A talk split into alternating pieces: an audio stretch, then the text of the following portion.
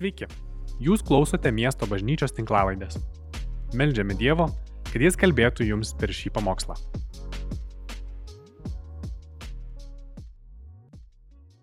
Sveiki. Šiandien mes pradedam uh, naują pamokslų seriją apie bažnyčios, apie bendruomenės vaidmenį visuomenėje, apie jos reikšmę. O tai reiškia, kad šiandien tu ir aš mes turėsim savo užduoti nepaprastus klausimus.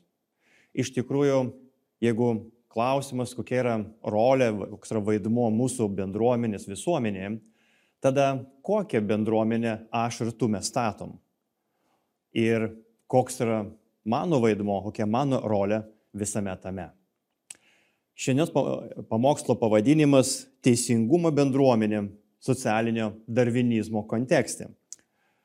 Skamba taip keistai, bet pabandykim padaryti keletą apibrėžimų. Tai o kas yra tas socialinis darvinizmas? Socialinis darvinizmas teigia, jog visuomenė arba visuomenė visada bus neligybių. Kitaip tariant, laimi tik tie, kurie yra stipriausia, o tie, kurie nelaimi, nu kągi, matyt, taip ir turi būti. Tai buvo, tai buvo pateisinamas nacizmas, rasizmas, moterų ir kitų žmonių neligybės Ir nors daugelis iš mūsų šiandien mes nepalaikom tokių pažiūrų, kartais, jeigu mes pažiūrėsim į save, savo elgesį, visuomenė, bendruomenė, šalia kitų žmonių, mes galim pastebėti, kad yra tie, į kuriuos mes žiūrim tarsi kažkiek iš aukščiau. Arba žmonės, su kuriais mes jaučiamės kažkiek pranašesni. O paskaitykim, ką Jėzus darė savo tarnysės laiku. Mato Evangelijoje 9 skyriuje, nuo 10 iki 13 eilutės mes skaitom.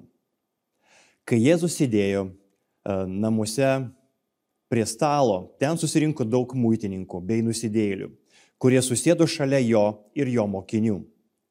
Fariziejai tai išvykdė, sakė jo mokiniams, kodėl jūsų mokytojas valgo su muitininkais ir nusidėliais. Tai išgirdęs Jėzus atsiliepė, Nesveikiesiems reikia gydytojo, o ligonėms.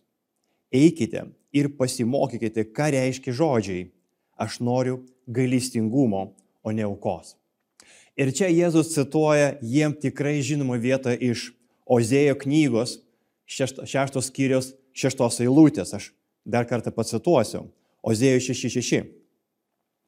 Aš noriu, sako Dievas, gailestingumo, o ne aukos ir Dievo pažinimo labiau nei diginamųjų aukų.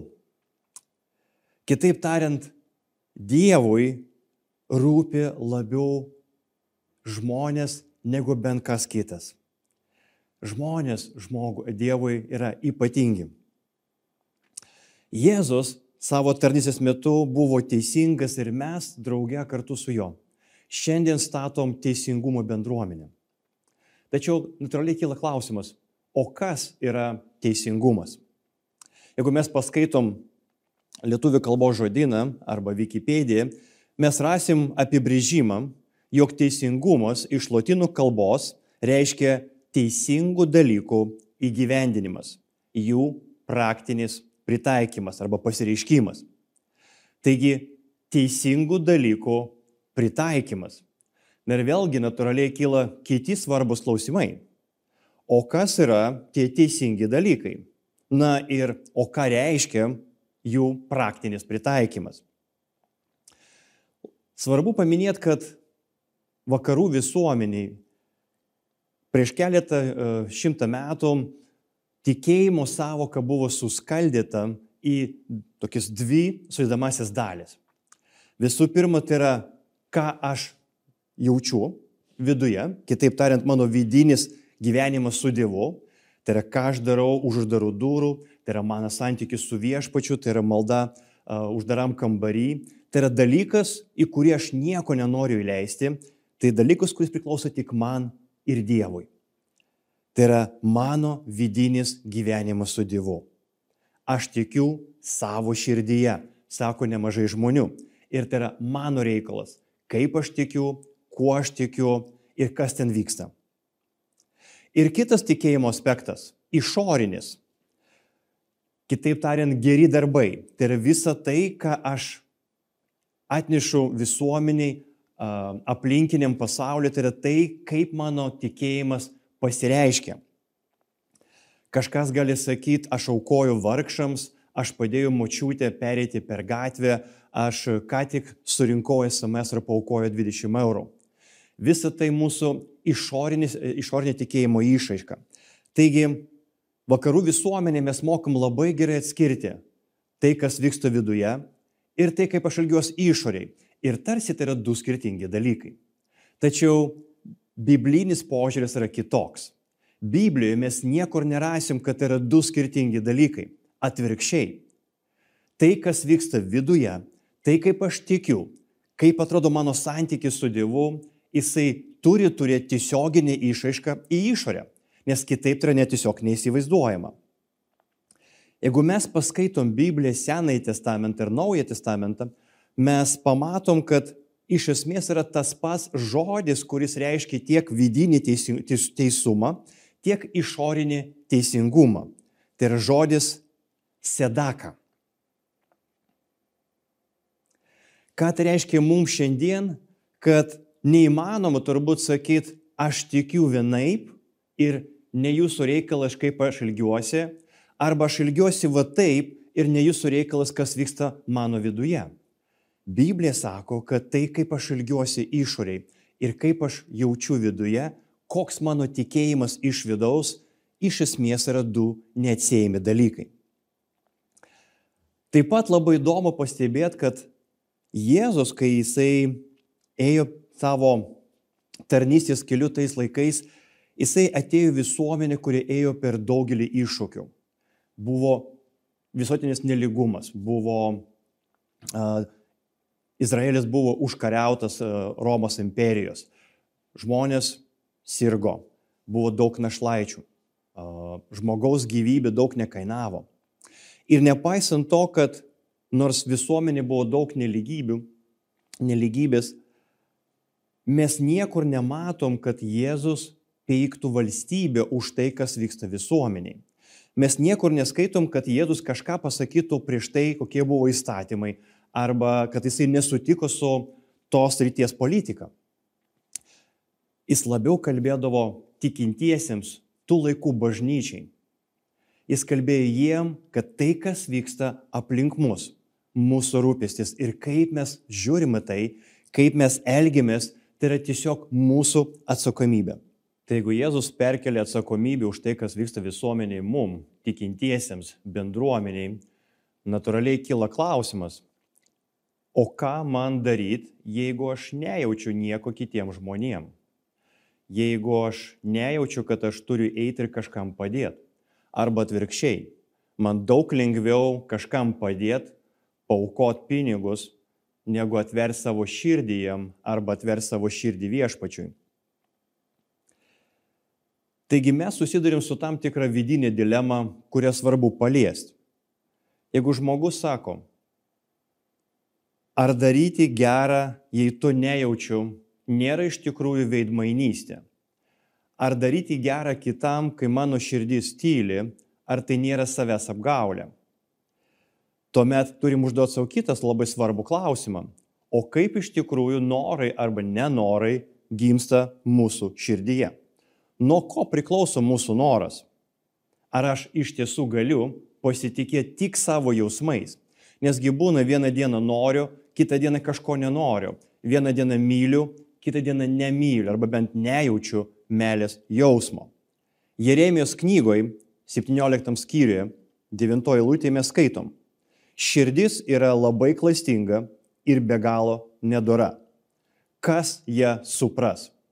Taigi, nes pranašas sako, kad mūsų širdis sunkiai suvokiame mum patiem. Net mes patys iki galo negalim jos suprasti. Taigi, jeigu mes kažko nenorim daryti, bet pasirinkam tai daryti, tai nėra veidmainystė, bet labiau mūsų dvasios pergalė, laimėjimas prieš mūsų tiesiog kartais kūniškus norus arba nenorus. Ir vėlgi, o kaip atsiranda norai mumise? Net psichologai, kurie studijuoja mūsų psichiką, mūsų kaip mes veikiam, kaip mes priimam sprendimus, pastebi, kad kartais norai ateina prieš darimą, o kartais darimas iššaukia didesnį norą. Taigi mes neprieštaraujam net ir nekrikščioniškam požiūriui, sakydami, kad darydami gerą mes dauginam tą vidinį norą arba suteikėm jiem galimybę tam norui atsirasti. Jeigu mes pastebėsim, kaip kartais žmonės daro gerą, kai prasideda nuo tokio paprasto romantiško jausmo, kai tu pradedi save įsivaizduoti, kaip gera bus, kai aš ką nors gerą nuveiksiu. Tu įmi ir padarai, tavo širdis pripildyta kilnių jausmų, tu jautiesi labai gerai. Ir tai smagu. Gera jaustis gerai dėl gerų dalykų. Kai darai tą patį antrą kartą, to tokio džiaugsmo arba romantiško jausmo jo kur kas mažiau, nes tu pradedi suprasti, kad geri darbai kainuoja. Jie kainuoja tau, jie kainuoja tau pastangų prasme, nuovargio prasme ir tu vis dar jautiesi gerai, bet tu jau supranti, kad tau reikės mokėti kainą.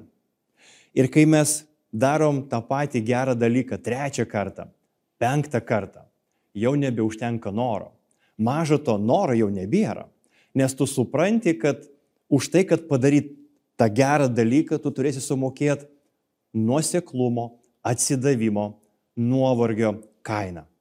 Ir jau nebėra to pirmo romantiško kilnaus jausmo, kad tu darai žygdarbį, tu tiesiog supranti, kad tam tikras geras darbas turi būti padarytas, nes yra kam to reikia. Ir tu tiesiog eini ir darai. Ir kaip keistai beskambėtų, kartais darydamas iš pareigingumo, tu pradedi patirti, kad ateina džiaugsmas, ateina noras ir ateina pasitenkinimas. Taigi noriu ar nenoriu, jie neprieštarauja viens kitam. Aš kartais darau dėl to, kad noriu, o kartais darau dėl to, kad nenoriu ir nepaisant to vis vien darau. Ir tai irgi yra teisingas požiūris. Taigi, nepainiokim, kaip aš jaučiuosi dėl kažko ir kas būtų teisinga padaryti šiuo atveju. Nes tie dalykai gali tikrai skirtis ir kaip mes skaitėm, mūsų širdis tikrai yra klastinga. Kartais mes patys nesuvokiam, kodėl jaučiam, ką jaučiam. Tuo pačiu kyla klausimas, kodėl? Kodėl kartais, kai mes matom neteisingumą, kai mes matom akivaizdų poreikį aplink mus, mes nereaguojam, mes netrandam savo širdį to atsako. Tarsi mūsų širdis kars nuo karto tiesiog ima ir atbunka. Dievas mūsų sutveria ypatingais. Mes tikrai esam labai lankstus ir adaptuojantis prie aplinkybių. Būtent tai padėjo mums išgyventi, kai gyvenime atsitikdavo įvairius sunkumai. Būtent taip gydomos fobijos. Jeigu žmogus kažko, kažko bijo, jeigu mes pakankamai ilgai busim uh, paveikti šitos, uh, šito dirgiklio, anksčiau ar vėliau mes tiesiog priprasim ir nebereaguosim į tą dirgiklį. Kitaip tariant, net pati baimė sumažės. Ir atrodo, tas mūsų gyvėjimas adaptuotis ir, galim sakyti, atbūkti, padeda mum įveikti sunkius iššūkius. Tačiau lygiai tas pats mechanizmas, jeigu mes jų nesuprantam ir nevaldom, kartais leidžia mum nebegirdėti ir nebematyti kitų žmonių skausmo. Iš pradžių mus galimai kažkas papiktindavo, mums kažkas nepatikdavo ir širdį buvo piktis, nu kodėl taip? Taigi neteisinga. Bet po to vis mažiau.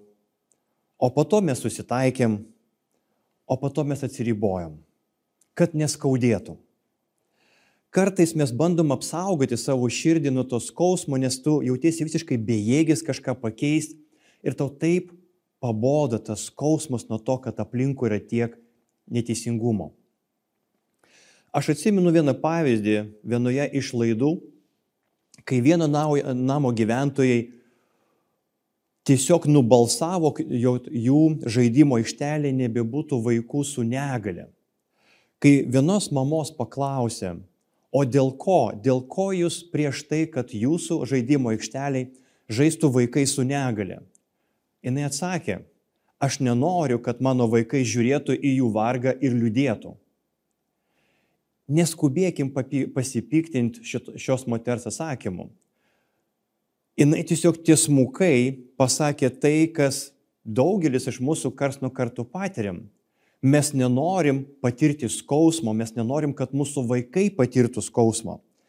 Ir čia buvo tiesiog dar viena išaiška, kaip šita moteris bandė išvengti to vidinio skausmo, pašalindama kitų žmonių vargą iš savo akiračio.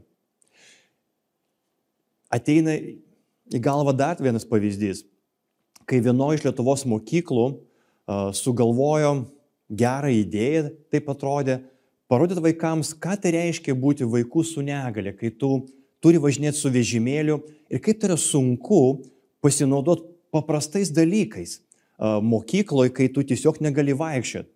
Taigi atvežė vežimėlį į mokyklą ir leido kiekvienam vaikui padaryti kažką vežimėlį per penkias minutės. Ir vaikai buvo šokiruoti, kiek iš tikrųjų tai yra sunku, kaip pasaulis atrodo visai kitaip. Jiem be galo patiko šitą idėją. Atspėkit, kas buvo įniršę, kai sužinojo, kad jų vaikai sėdėjo neįgaliųjų vežimėlį. Jų tėvai. Mamos, kurios sakydavo, kodėl jūs įsodinot mano vaiką į neįgaliųjų vežimėlį. Kokias teisės jūs turite taip elgtis su mano vaiku. Ir mes suprantam, kad vaikai, atsiprašau, kad tėvai iš meilės savo vaikams nori apsaugoti savo vaikų nuo skausmo. Bet teisingumas ir yra, kai mums skauda kartu su kitais žmonėmis. Mes bijome skausmo tam, kad apsaugot save ir kitus. Bet būtent šitas skausmas ir yra gyvo žmogaus brožas. Aš manau, tai yra svarbu leisti savo, leisti savo vaikams, savo artimiesiems kurti galimybės patirti kitų žmonių skausmą. Nes, tik, nes būtent kai mes patiriam skausmą, mes esam gyvi. Kai mes patiriam skausmą, mes galim sakyti, kad mes vis dar gebam jausti. Nebemalšinkime skausmo. Net ir pats Jėzus, kai jam skaudėjo, jis nebėgo nuo žmonių skausmo, jis atvirkščiai ėjo į skausmo vidų. Jis jam skaudėjo kartu su kitais žmonėmis. Kai jam labai skaudėjus verkė. Verkti irgi yra gerai. Tai yra gyvo žmogaus, jautraus žmogaus bruožas. Nebijokime skausmo. Santykis su kitu žmogumi. Santykis su žmonėm, kurie kažko stokoja, kurie kartais nesugeba susitvarkyti savo gyvenime, kartais žaloja mus. Santykis su tokiais žmonėmis kartais ir mus taip pat žaloja. Ir taip norisi nusigręžti, nusisukti ir tiesiog eiti savo keliu. Todėl mes, norom ar nenorom, kartais pasirenkam nebekurti santykių, net ir bendruomeniai. Mes bandom apsaugoti save nuo galimo skausmo. Ir tada mes pradedam kurti santykiai per atstumą su Dievu. Mes kartais kūrėm santykiai su kitais tikinčiais per atstumą. Ir per atstumą mes bandom laikyti save sustokojančiais. Mes tiesiog išmokstam gyventi per atstumą. Ir aš nekalbu apie Zoom, arba nuotolinius susitikimus, kai mes dabar neturim galimybių būti kartu. Aš kalbu apie širdies nuostatą. Mes net galim būti šalia, bet vis vien bendraujam per atstumą, kad mūsų širdis nepatirtų skausmo.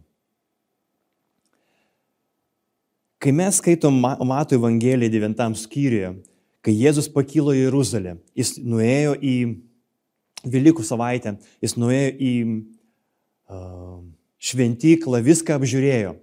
Ir tikrai Jeruzalėje buvo daugybė žmonių, žinomų žmonių, turtingų žmonių, kurie mielai priimtų jį su savo komanda į svečius. Tačiau Jėzus pasirinko keliauti du kilometrus nuo Jeruzalės, kad apsistoti pas Simoną, rapsuotojai. Jis ir jo mokiniai. Jis nuėjo kelią, kad pabūti su tuo, su kuo nieks nenorėjo būti. Ir kas keiščiausia, kai tų laikų fariziejai, kas būtų mūsų laikų tikintieji, uoliai tikintis, kai jie prikaištaudavo Jėzui, jie niekada nesakydavo, kodėl tu tarnauji vargšams. Jie prikaištaudavo, kodėl tu draugauji su vargšais, kodėl tu draugauji su, su nusidėliais, kodėl tu turi su jais santyki. Ir mes skaitom, Mato Evangelijoje 9 skyriuje, dar kartą 10-13 eilutę aš paskaitysiu. Kai Jėzus sėdėjo namuose prie stalo, ten susirinko daug muitininkų ir nusidėjėlių, kurie susėdo, susėdo šalia jo ir jo mokinių. Fariziejai tai išvykę sakė jo mokiniams, kodėl jūsų mokytojas valgo su muitininkais ir nusidėjėliais, kodėl jis atveri širdį jam, kodėl jisai savęs taip sunepatogino, kodėl jis užtraukė savo tokią gėdą, kodėl. Ir Jėzus tai išgirdęs atsiliepia. Nesveikiesiems reikia gydytojo, o ligonėms. Eikite ir pasimokykite, ką reiškia žodžiai. Aš noriu gailestingumo, o ne aukos. Aš manau ir šiandien, kalbant apie bažnyčios, apie bendruomenės vaidmenį visuomeniai, santykis tai yra tai, ko taip visi trokšta ir mes visi tiek mažai to turim. Tai lengva tiesiog pradėti į visus žiūrėti per atstumą. Santykis šeimoje per atstumą, santykis bažnyčioje per atstumą, santykis tarp bendruomenės ir miesto per atstumą. Taip lengva užsidaryti ir mėgautis tuo, kas esi. Ir neišeiti iš savo komforto zonos, neištiesti bent bendrystės ranką kitam. Tam, kuris šiandien vienišas, tam, kuris šiandien nežino, ką daryti su savo gyvenimu. Jis yra pasimetęs, jis yra padaręs klaidų, jis pats savo nepatinka. Kaip svarbu, kaip bendruomeniai, nuolat kurti santyki, ištiesti ranką vienas kitam, artimiesiems, pažįstamiems ir nepažįstamiems, kaimynams, bendradarbiams, žmonėms, kurie tave įžeidė. Atleisti ir neleisti savo širdžiai užsidaryti, net nepaisant skausmo. Ir aš noriu pakviesti jūs maldai. Tai yra natūralu ir normalu, kad mūsų širdis, kuri yra klastinga, kaip rašo autorius, kurios mes patys nesuvokiam, užsidaro nuo kitų žmonių. Ir mes kartais net nežinom, kaip savo padėti atsigręžti kitus žmonės. Bet mes galim prašyti, kad Dievas, gailestingumo Dievas, teisingumo Dievas duotų mums naują širdį. Padėtų mums tiesiog pamatyti kitą žmogų, kuriam skauda, kuris vienas, kuris tokoja, kuris nepatogus. Ir visų pirma, leisti savo atverti širdyje, kad mum pradėtų skaudėti, kad mum pradėtų rūpėti. Ir lai skauda tiek ilgai, kol mes nesimsim kažkokių veiksmų. Nes kai skauda, norisi dėl to kažką daryti. Tai paprašykime mūsų viešpatės, kad mum pradėtų skaudėti kitų žmonių likimai, kitų žmonių gyvenimai, kad mes norėtumėm dėl to iš savo tikėjimo, iš savo meilės Dievui kažką veikti. Mūsų viešpatė mes prašom tave, duok mums naują širdį. Atleisk mums, kad kartais taip lengvai uždarom savo širdį nuo kitų, kartais net nuo tavęs, ne nuo patogios realybės, pasipiktinam kitais, kitų elgesių, pasipiktinam visuomenėm, vietoj to, kad ištiesti bendrystės ranką, parodyti savo meilę, padovanoti teisingumą. Viešpatė, aš prašau padėk, kad mūsų teisumas ir mūsų teisingumas išorinis tai būtų vienas, vienas ir tas pats. Kad galėtumėm atverti savo namus, kad galėtumėm atverti savo širdį, kad galėtumėm atverti savo rankas, savo sielą, savo žvilgsnį viens kitam. Viešpatė padėk mums kurti tokią bendruomenę, kuri būtų pasiruošusi priimti stokojantį, padovanot savo santyki, savo laiką. O kai mes viešpatį to stokojam mūsų širdyje, prašau, praplėsk mūsų širdį. To prašau, prašau ir prašome Jėzaus Kristus vardu. Amen. Mes visi kartu dalyvaujam viešpatės vakarieniai. Tai yra ypatingas laikas. Laikas sustot, laikas pagalvot, laikas suvokti iš tikrųjų, ką Jėzus Kristus padarė dėl mūsų ant, ant kryžiaus. Ir aš mintimis noriu pakviesti jūs dar kartą nukeliauti prieš 2000 metų ir kartu su Jėzum atsidurti mažam kambarėlį šalia jo mokinių. Kai Jėzus paima taurę, jis geria iš jos, paduoda kitiems, jisai ima duoną laužą, valgo, paduoda tau, man, jisai žiūri mum akis. Ir mes suprantam, kad tai yra tas vakaras, paskutinis vakaras, kai jis yra su mumis. Kad šią naktį jisai bus suimtas, jis bus nukryžiuotas, jisai sumokės tą brangį kainą už mūsų gyvybę. Protų sunku suvokti, ką reiškia taip stipriai mylėti, kad savo gyvybę atiduotų už kitą. Pirmo korintiečiams 11 skyriuje mes skaitom 23-28 eilutė. Aš tai gavau iš viešpatės ir perdaviau jums, kad viešpats Jėzus tą naktį, kurie buvo išduotas, paėmė duoną ir padėkojęs sulaužė ir tarė. Imkite ir valgykite, tai yra mano kūnas, kuris už jūs sulaužomas. Tai darykite mano atminimui. Taigi, jeigu turit duonos gabalėlį arba macos, dabar galit paimti ir valgyti.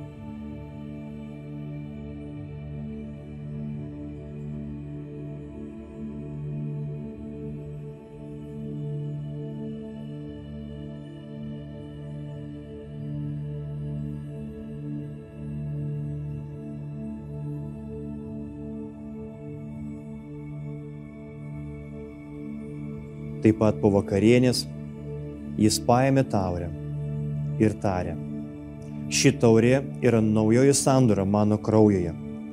Kiek kartų gersite, darykite tai mano atminimui. Taigi, kada tik valgote šitą duoną ir gerite šitą taurę, jūs kelbite viešpatės mirtį, kol jis ateis. Išgerkime tai, ką esam paruošę.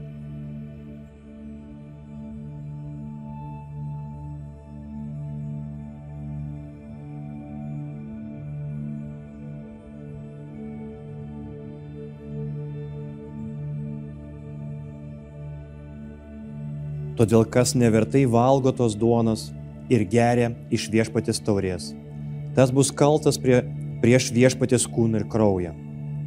Te ištiri žmogus pats save ir tada te valgo tos duonas ir te geria iš tos taurės. Pasimelskime. Mūsų viešpatė tau dėkojam už auką, už tą kainą, kurią tu sumokėjai iš kiekvieną iš mūsų. Viešpati neina protų suvokti, kad tai reiškia taip stipriai mylėti. Kad net savo gyvybę atiduoti už tuos, kurių tu net nepažinojai, kurie tave atstumia, panikė. Paniekina viešpatė, ačiū tau. Ačiū tau, kad šiandien 2022 metais galim šlovinti tave galim dėkoti tau. Turim viltį, kad turim amžinai gyvenimą. Ir kad mūsų nuodėmės yra atleistos. Ir kad tavyje viešpatė turim pergalę. Tu nugalėjai mirti. Ir mes nugalėjom mirti kartu su tavim. Ir šiandien skelbiam šitą pergalę. Ačiū tau. Amen.